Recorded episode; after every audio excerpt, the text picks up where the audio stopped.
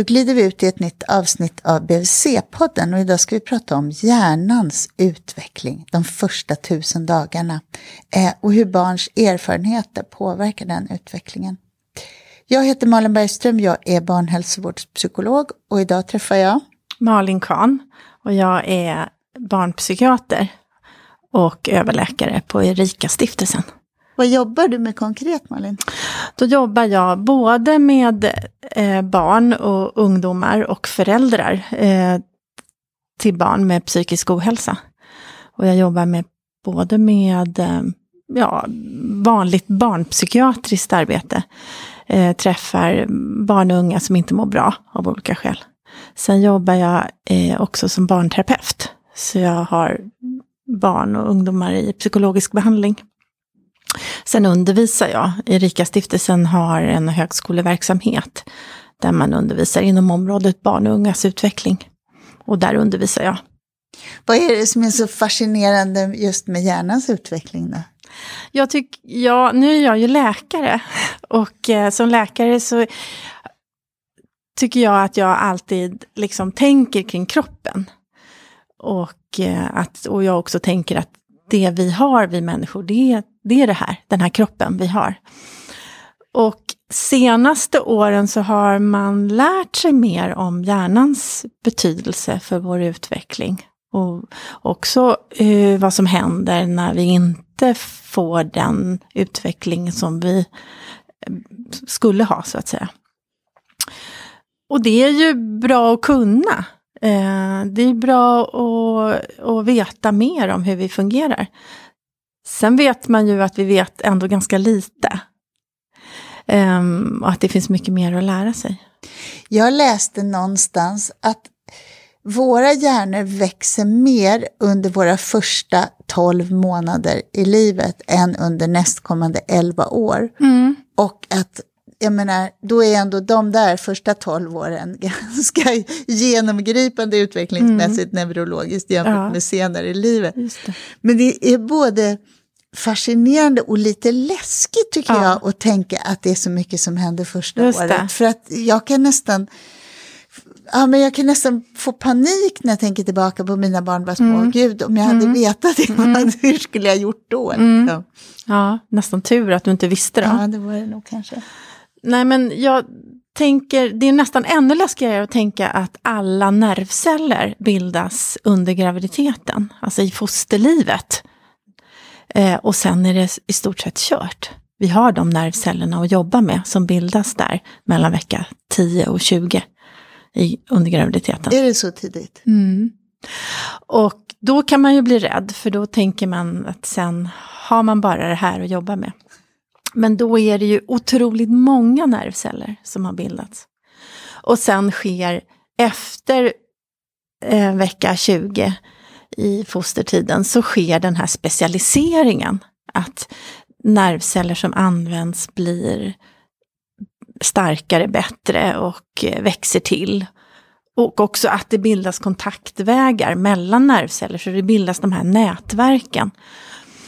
Så det man, som anläggs i fosterlivet, mm. det är egentligen enskilda, en fruktansvärd mängd enskilda nervceller ja. som, har, som kan placeras eller användas till lite olika saker. Ja, då, de bildas och sen går de till sina platser så att säga och blir specialister på det de är tänkta att bli. Och den specialiseringen, under vilken period sker den? Ja men den börjar sen efter vecka 20 ungefär, då börjas, då börjas det. Då, då börjas först den här eh, att nervcellerna vandrar dit i hjärnan där de ska finnas. Och sen aktiveras de och börjar bilda nätverk och växer till också. Eh, så, och efter mm, födseln så kommer det fortsätta med liksom att då börjar både den här utrensningen, de nervceller som inte används, en del av dem tillbakabildas. Ett exempel är till exempel synnervceller som har med synen att göra. Att om man, om man inte aktiverar synen hos ett litet barn, då kommer för, förmågan, de cellerna i synbarken då, eh, tillbakabildas. Så då blir man blind. Så är inte alla nervceller, men vissa nervceller är gjorda för att användas. Och vad händer rent konkret? Är det så att jag som 50 plus går runt med en extra kollektion som någon sån risk, om det händer något så kommer, kommer de kunna ja, träda in? Vissa av dina nervceller kommer kunna träda in och kompensera. Och det kan man ju till exempel se eh, på människor som blir sjuka i demens till exempel. Att vissa, vissa funktioner kan faktiskt ge sig in och kompensera. Nu kan inte jag det där jättebra, men det, så är det. Men det, så, det är inte, så det är inte så att alla de som inte aktiveras, de, går in, de är inte förlorade utan nej, de kan också ligga och vila. Och... De kan ligga och vila. så vissa förmågor kan vi också lära oss lite sent i livet och andra förmågor är otroligt viktigt att vi lär oss tidigt. Till exempel är språkljud, att det är svårt för dig att lära dig mandarin när du är vuxen. För att vissa språkljud, om du aldrig har hört dem, så kommer du inte kunna bilda de språkljuden.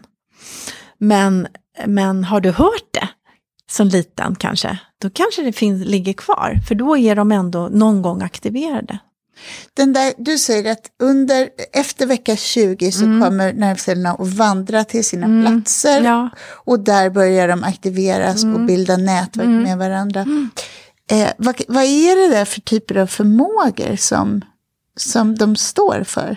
Ja, det är ju alla förmågor, så att säga. Det är ju... Um, men, det, men det ser ju lite olika ut. Om, om du tänker på ett nyfött barn och, och det nyfödda barnets hjärna så har den vissa delar är helt färdiga, så att säga. De här nedre delarna av hjärnan som hjärnstammen som reglerar an, puls, Eh, hjärtfrekvens och andning. Det är klart. Det är bara, det sätter igång och sen kommer den delen av hjärnan alltid vara aktiv i hela ditt levande liv. Och sen så finns det, eh, om vi pratar om den mellersta delen, delen av hjärnan som vi ibland kallar för känslohjärnan, där vi också har vårt känsloliv, vår, vår anknytningsbeteende, eh, känsloliv som ångest, och oro men även kärlekskänslor. Um, och um, även minnesinlagringen finns i mellersta delen. Det är ju, där föds, när barnet föds så har en, en ganska färdig hjärna. Man har förmågan till alla känslor och förmågan till minnesinlagring men det är inte klart. Sen har vi den övre delen av hjärnan, hjärnans högre funktioner som är det som, är ganska, som utmärker människan rätt mycket. Förmågan till planering och koncentration och att tänka om andra, att förstå att andra tänker. De här högre eh, funktionerna. Där föds vi ganska omogna. Och de delarna eh, tar, ja man brukar prata om 25 år innan det är färdigväxt. Så att det är olika delar av hjärnan som är liksom olika färdiga. Och, och vissa saker är snabba. Ett barn lär sig ju ganska snabbt fokusera sin syn. Det går ju på, vad är det, nu kommer jag inte ihåg, sex veckor eller något sånt där, så har man en ganska bra djupsyn. Och motoriken är ju ganska snabb utveckling. Men det tar ju ändå några år mm. innan vi kan cykla. Ja, ungefär sådär. Och sen är det också kopplingar mellan de här olika eh, mm. nivåerna på mm. hjärnan också, mm. som utvecklas över lång tid. Ja, precis. Eh, den där mellanhjärnan, känslohjärnan ja. blev jag intresserad av. Ja. Är det också sånt som att man kan leka eller musik? Ja, eller? ja precis. Eh, stora delar av det kan man väl säga finns där. Men um, det är intressant med lek tycker jag, för att lek är ju... Alltså... Om, om, om du vill ha del av hela din hjärnfunktion en dag. Du vill vara liksom... Typ idag. kreativ och må bra. Um, då kan man väl tänka att det skulle vara bra för dig kanske att gå ut i skogen och, och ut och röra dig och vara på en plats där du mår bra. Du ska vara lagom mätt och ha sovit gott i natt. Och då när du går där och du vet, du kommer till det här tillståndet att tankarna kommer och går och det bara, då kan du bli väldigt kreativ och lösa svåra problem. Och då har du liksom blodflöde i hela hjärnan, hela vägen upp i det kognitiva, där du också har din kreativitet. Så att då samarbetar hjärnan jättebra eh, i alla dina delar så att säga. Och, men om du är arg eller ledsen eller rädd, om någon skrämmer dig i skogen, då kommer de, blodflödet i de högre funktionerna dras ner på. Så att då kanske du blir, blir mer fokuserad på att försöka lösa din rädsla, springa därifrån. Och då kanske den mellersta delen, delen av hjärnan är aktiv, men du har inte tillgång till dina högre funktioner. Förstår du? Mm. Så det är också det som man pratar om kanske som amygdala som sitter där nere som mm. är sådana här liksom... Precis. Eh, vad ska man säga, ångest eller Då skickar den ut ångestsignaler. Mm. Och då kommer din hjärna vara mer aktiv i de mer basala funktionerna. Du ska springa därifrån eller du ska bråka med den som kommer att bråka med dig. Och det har något överlevnadsvärde. Ja, och sen kanske du, du blir vettskrämd. Du kanske blir så, du blir så rädd så att, så att du eh, blir, eh, ramlar ihop på marken och blir helt förlamad. Då är det liksom bara den nedre delen av hjärnan som är aktiv, andning och frekvens. Och det är också ett överlevnadsvärde för att du ska spela död eller bli ointressant. Så att man kan se liksom hur, hur vi använder oss av olika delar beroende på i vilket skick vi är i. Du, man, det, det, ett sånt där begrepp som man brukar använda när man pratar om, om hjärnans utveckling är use it or lose it. Ja. Vad, vad innebär det konkret? Ja, men det innebär, och det är ju framförallt viktigt kanske med små barn, det här att det som det de, man, man behöver liksom stimulans. Eh, små barn behöver kontakt med andra för att lära sig det här med ögonkontakt och socialt språk och hur man umgås. Eh, men också språket, att du behöver höra språket för att kunna lära dig språket och du behöver eh, använda din kropp för att kunna lära dig. Och låter man barn vara för, i för stimulusfattiga miljöer så kommer vissa delar inte utvecklas. Till exempel eh, de här rumänska barnhemsbarnen eh, på 80-talet efter Ceausescus fall så såg man ju de här hemska bilderna som kablades ut. Där barn satt och gung, vaggade eh, i sängar på barnhem. Och det var ju barn som hade fått väldigt lite kontakt och lite stimulans. Och många av de barnen återhämtade sig väldigt mycket, särskilt motoriskt. Men kontaktmässigt, så eh, de barn som hade varit mer än sex månader på, det här, på de här hemmen, de återhämtar sig inte kontaktmässigt. Alltså det är så att säga kört, det sociala. Eh, och det gäller ju också sånt bete- anknytningsbeteende och sådär. Att det är viktig, viktig tid de första två åren. Eh, hur man beter sig. Så att om jag då får stimulans i form av att jag får nära relationer, mm. jag blir tolkad och förstådd mm. och så. Då tänker man sig också att det där kommer leva kvar i mig mm. över tid. Ja, då kommer det leva kvar i dig över tid. Då blir det en erfarenhet som också blir en in, ett inre vägledning för dig, hur det går till när du träffar nya människor eller när du i vuxenlivet hamnar i bekymmer och behöver tröst eller hjälp. Då kanske du har lärt dig, ja men jag går till någon som hjälper mig. Eller? Men det kan man inte se rent neurologiskt? Ja, inte idag vad jag vet. Eh, det har ju att göra med delar av de här mellersta delarna. Um, men jag tror inte man kan se det på liksom nervcellsnivå riktigt. Jag tror inte man har kommit så långt. Nej. Men det blir mer en erfarenhet som kommer att vägleda mig och bli som en snöboll som rullar på. Ja. Jag, ja, hur jag tar mig an världen. Ja, hur, precis. Vilket beteende ja. jag förväntar mig tillbaka och så mm. vidare. Mm. Ja, en annan sån där be intressant begrepp tycker jag är det där med motorvägar Mm. som körs upp, som jag tycker är så talande Mm. för hur, hur hjärnan konkret på något sätt Ja. formas. Just det. Och då där kan du ju utnyttja då när du kanske är dålig på någonting eller där du har lärt dig ett sätt att vara på.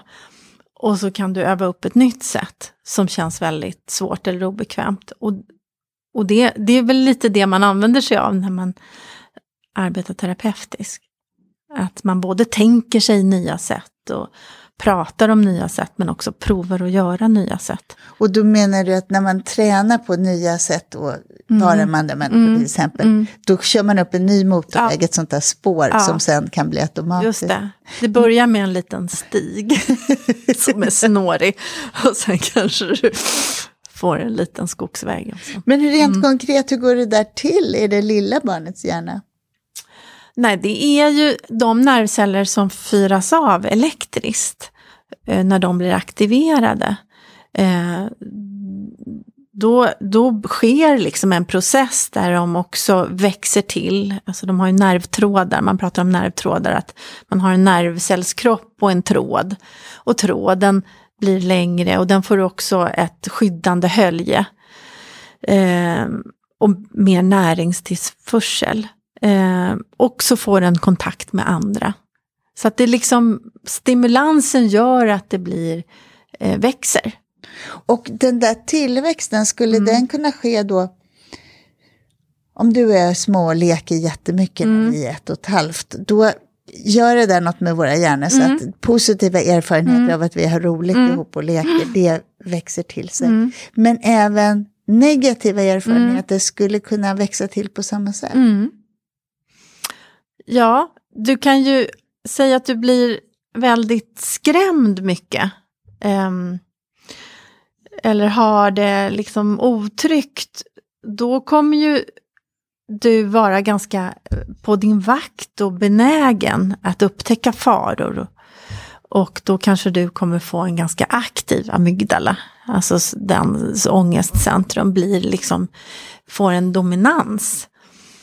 Så det vet man ju att barn som har varit med om mycket svåra saker och inte heller fått återhämtning eller hjälp att reglera ner sig. Eh, på bekostnad av andra, mer, andra egenskaper får mer eh, stressinriktad hjärna. En hjärna som är gjord för att upptäcka faror. Och, ungefär så. Det är ju grovt uttryckt. Men vad, vad är det då, om man tänker på riktigt små barn, hur ska Mm. vi förstå stress? För stress är ändå ett ganska centralt begrepp, det är det, är det vi pratar om med anknytningsrelationer Ja. också, att barn, alltså man ska ju aktiveras och Ja. bli skrämd Ja, eller ska stressad eller rädd som Ja. barn, men att få hjälp att lugna Ja. ner det där.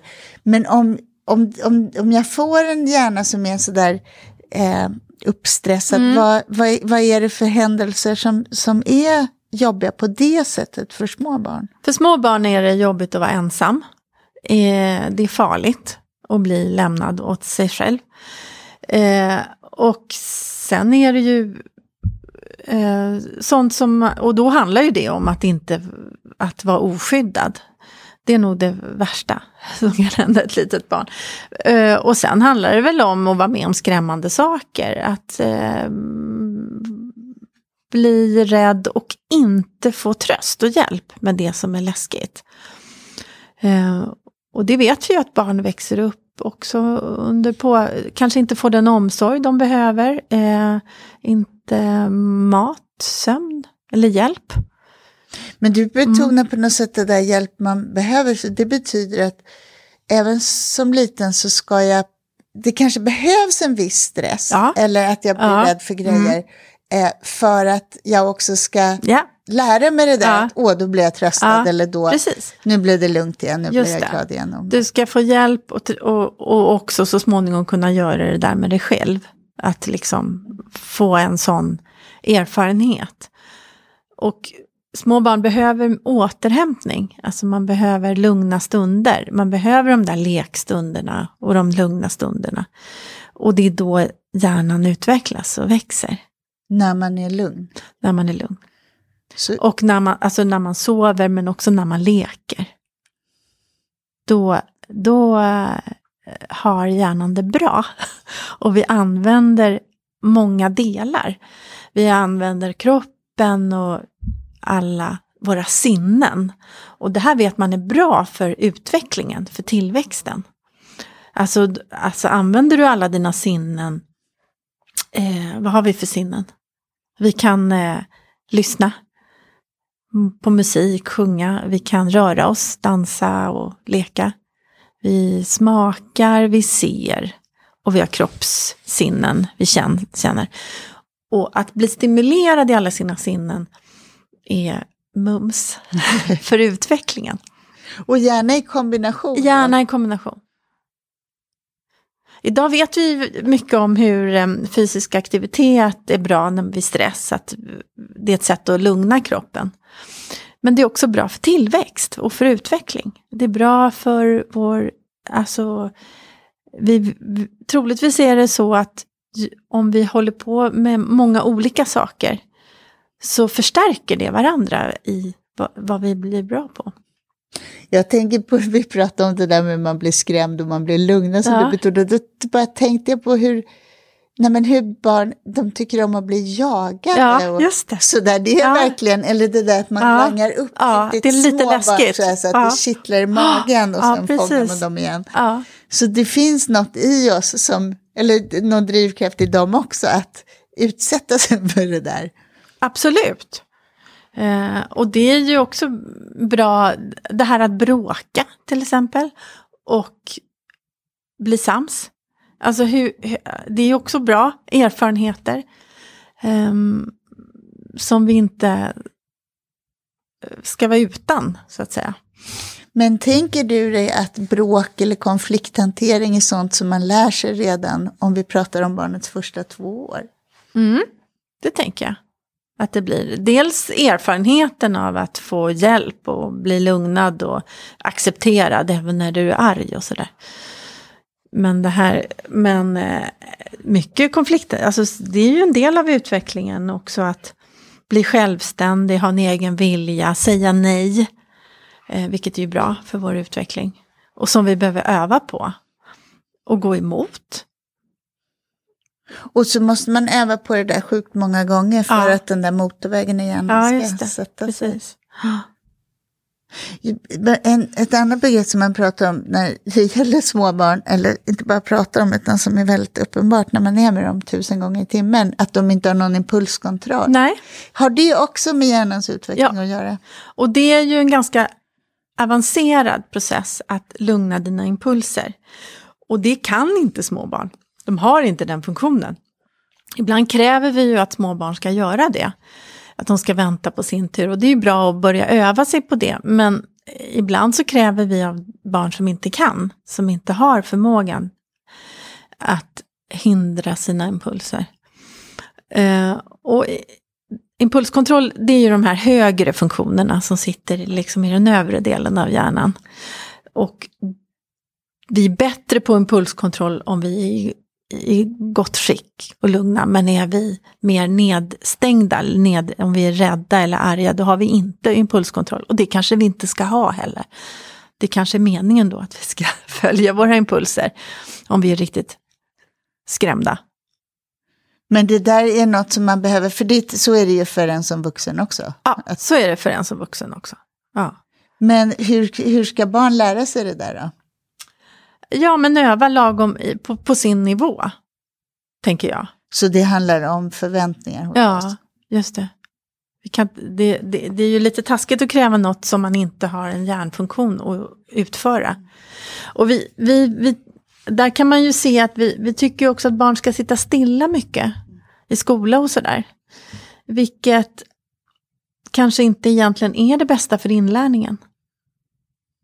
Ehm, Men inte det om du sa att man skulle vara så multimodal, att man skulle få stimulans från, Ja, från nej. flera nej. områden, eller Mm. vad heter det, tjänst, Mm. sinnesintryck Ja. samtidigt.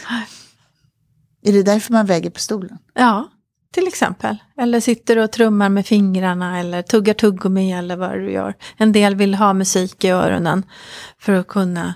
Alltså den där... den där när hjärnan får lite information samtidigt. Dels så blir vi lugnare av det, en, en del mer än andra. Att det är ett sätt att lugna sig och hålla, via kroppen. Eh, men sen kan det också hjälpa till eh, med inlärning och sådär. Och egentligen kanske vi skulle lära oss matte medan vi gick eller rörde oss i rummet. Men det låter som när du säger så, då tänker jag att ja, men då har man tänkt ut skolan som ett sätt att träna just på det som är mest utmanande för mm. barn. Det vill säga mm. att sitta still och ja. vara tysta och, och, inte tycka att någon som är i närheten är rolig. Mm. Det, det, är ett ganska hårt sätt att Det är ett hårt sätt, ja. Passar inte alla barn. Nej. Du, om vi pratar om det här med att barnets erfarenheter påverkar hur hjärnan blir. Mm. Vad är det, hur ska man tänka där kring vad barnen behöver? Om vi tänker på de minsta. Mm. Eh, ja, små barn behöver det som vi var inne på, kontakt, eh, umgås. Förutom de basala behoven, att man måste ha mat och sömn och så. Också det här med stimulans. Även bebisar behöver stimulans. Och bebisar tycker det blir tråkigt att titta på samma sak hela tiden och vill gärna titta på något nytt och nya former och färger och sådär. Det vet. Eh, och uppleva saker på lagom... Sen är ju barn olika. En del är mer försiktiga och andra har ett mer aktivt temperament när de föds. Eh, men stimulans, det här att, att vara med om, om saker, att se saker, att lyssna, höra musik och eh, leka. Jag läste någon gång för ganska länge sedan någon sån här uträkning hur många leksaker svenska barn hade. Och det var så otroligt mycket. Ja. Det var liksom flera hundra. jag höll på att svimma och tänkte, ja. kan det här verkligen vara sant? och sen så gick jag väl hem och kollade och tänkte, ja. men det kan nog vara sant. Ja. Men så på ett sätt så tror jag att det finns en väldig medvetenhet ja, om att barn behöver mm. stimulans. Och jag tänker att vi har så fina förutsättningar mm. med vår föräldraledighet och sådär. Mm. Men en ny, ett ny grej de senaste tio mm. åren och som för varje år liksom blir mer och mm. mer, tar en mm. större del av barns barndom och, eh, eh, och kryper ner i åldrarna, det är ju skärmar. Just det som står ju för någon typ av, av ut, underhållning eller mm. stimulans för barn. Mm. Just det, alltså man kan väl säga det vi vet idag är att barn utvecklas i relation till andra. Att samspel är liksom den absolut viktigaste stimulansen för utvecklingen. Um, och då är, ju, då är ju skärmar ingen ersättning för det. Jag läste också någon, någon studie som handlade om hur just så här små barn de första två åren behövde hjälp av vuxna för att översätta det man är med om på mm. en skärm till ja. livet för övrigt. Ja, det tyckte det. jag var spännande. Mm, precis. Ja, jag har ju svårt att se att skärmar egentligen eh, tillför någonting för barn under två år. Utan där är det ju mer att vara tillsammans med andra och vara med om saker. Och kanske mer det här på tu man hand eller som är mer intressant. Hur stor, jag. hur stor roll spelar andra barn? Um, ja, ja, de spelar ju, kommer ju att spela större roll liksom efter tre.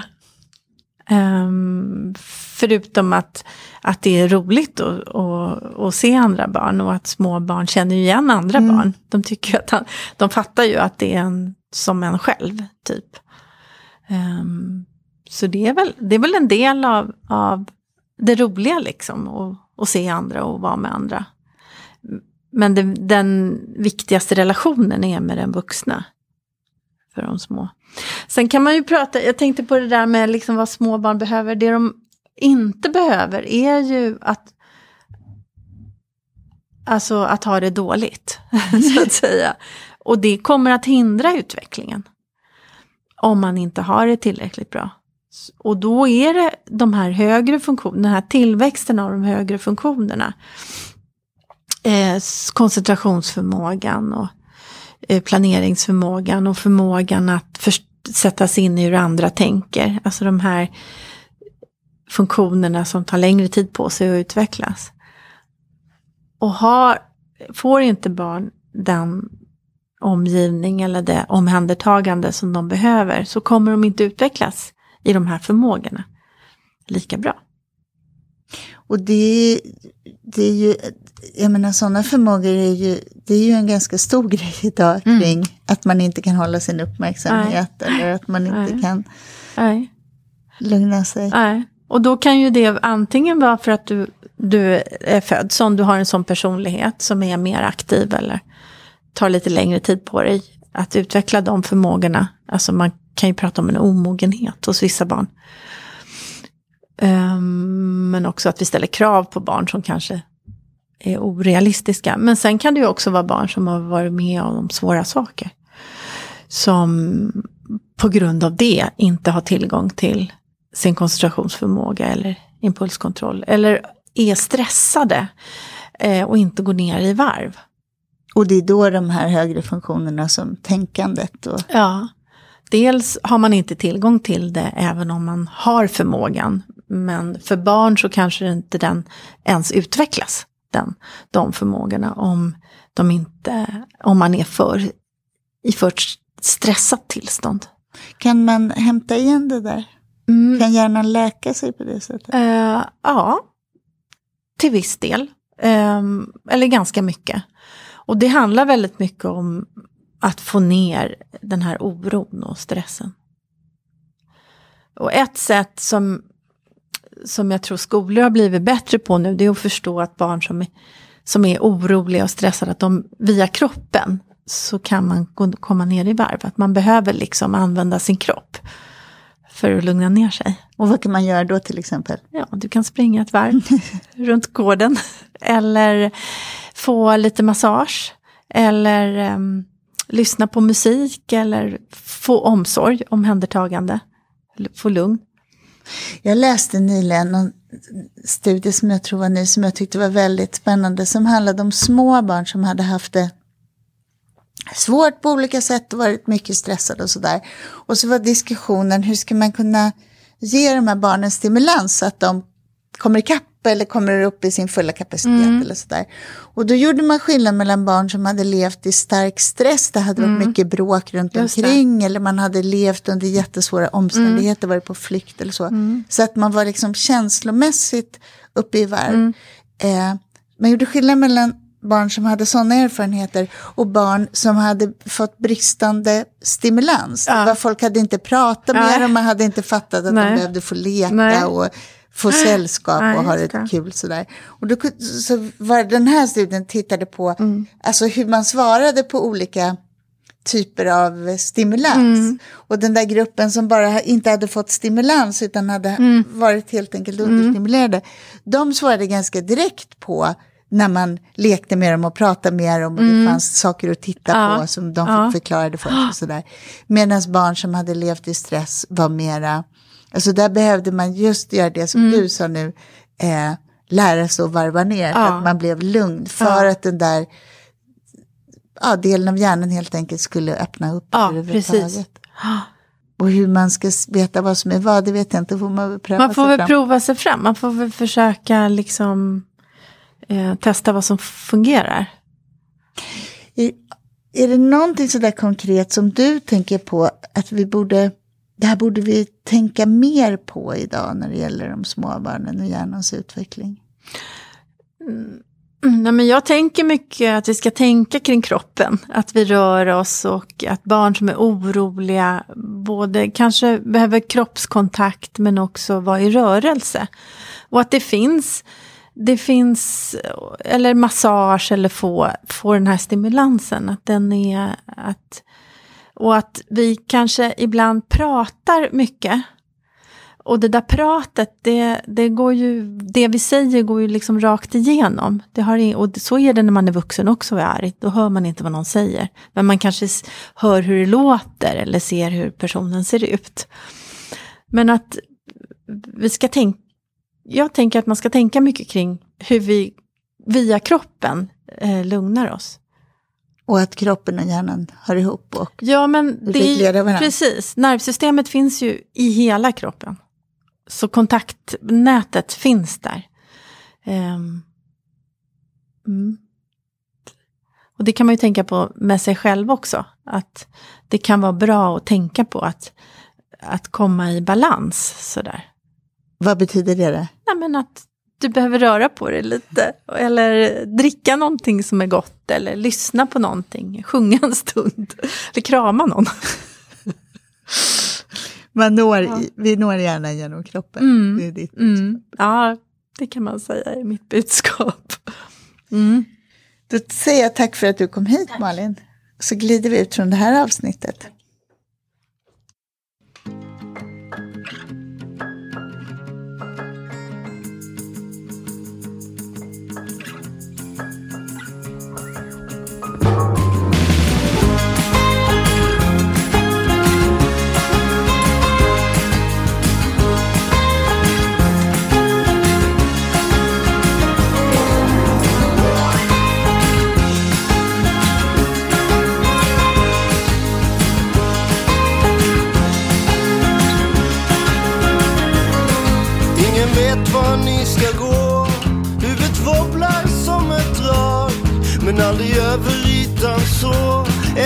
Djupet neverending slag. När era radiostyrda röster ömsint kittlar min fantasi. Flipper spelar sönder impulserna för mitt självbedrägeri. När ni skjuter ut er i natten finns det inget av mig kvar. Alla döda ögonskratten Bara vakten minns vem som var. När ni cementerar kvällen Är det utan min frenesi. Den insomnade tunneln Vaknar aldrig mer till liv.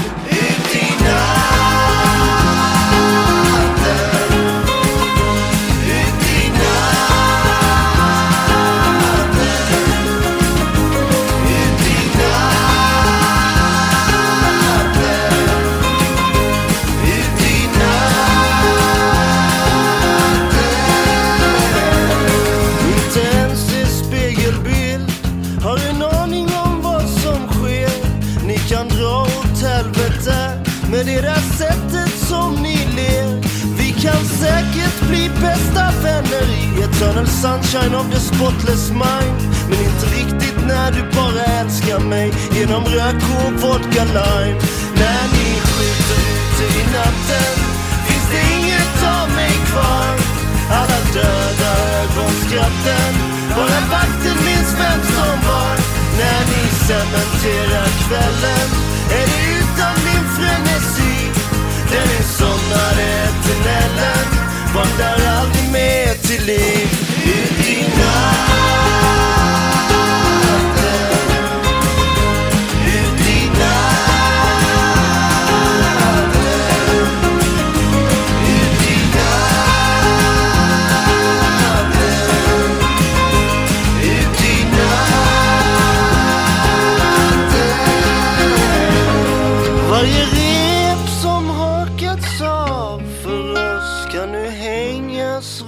Min hals. Men jag minns varenda kväll förstås. Och precis ingenting alls. När ni skjuter ut i natten finns det inget av mig kvar. Alla döda ögonskratten Bara vakten minns vem som var. När ni cementerar kvällen Är det utan min frenesi somnade tunneln. Vaknar aldrig mer till liv.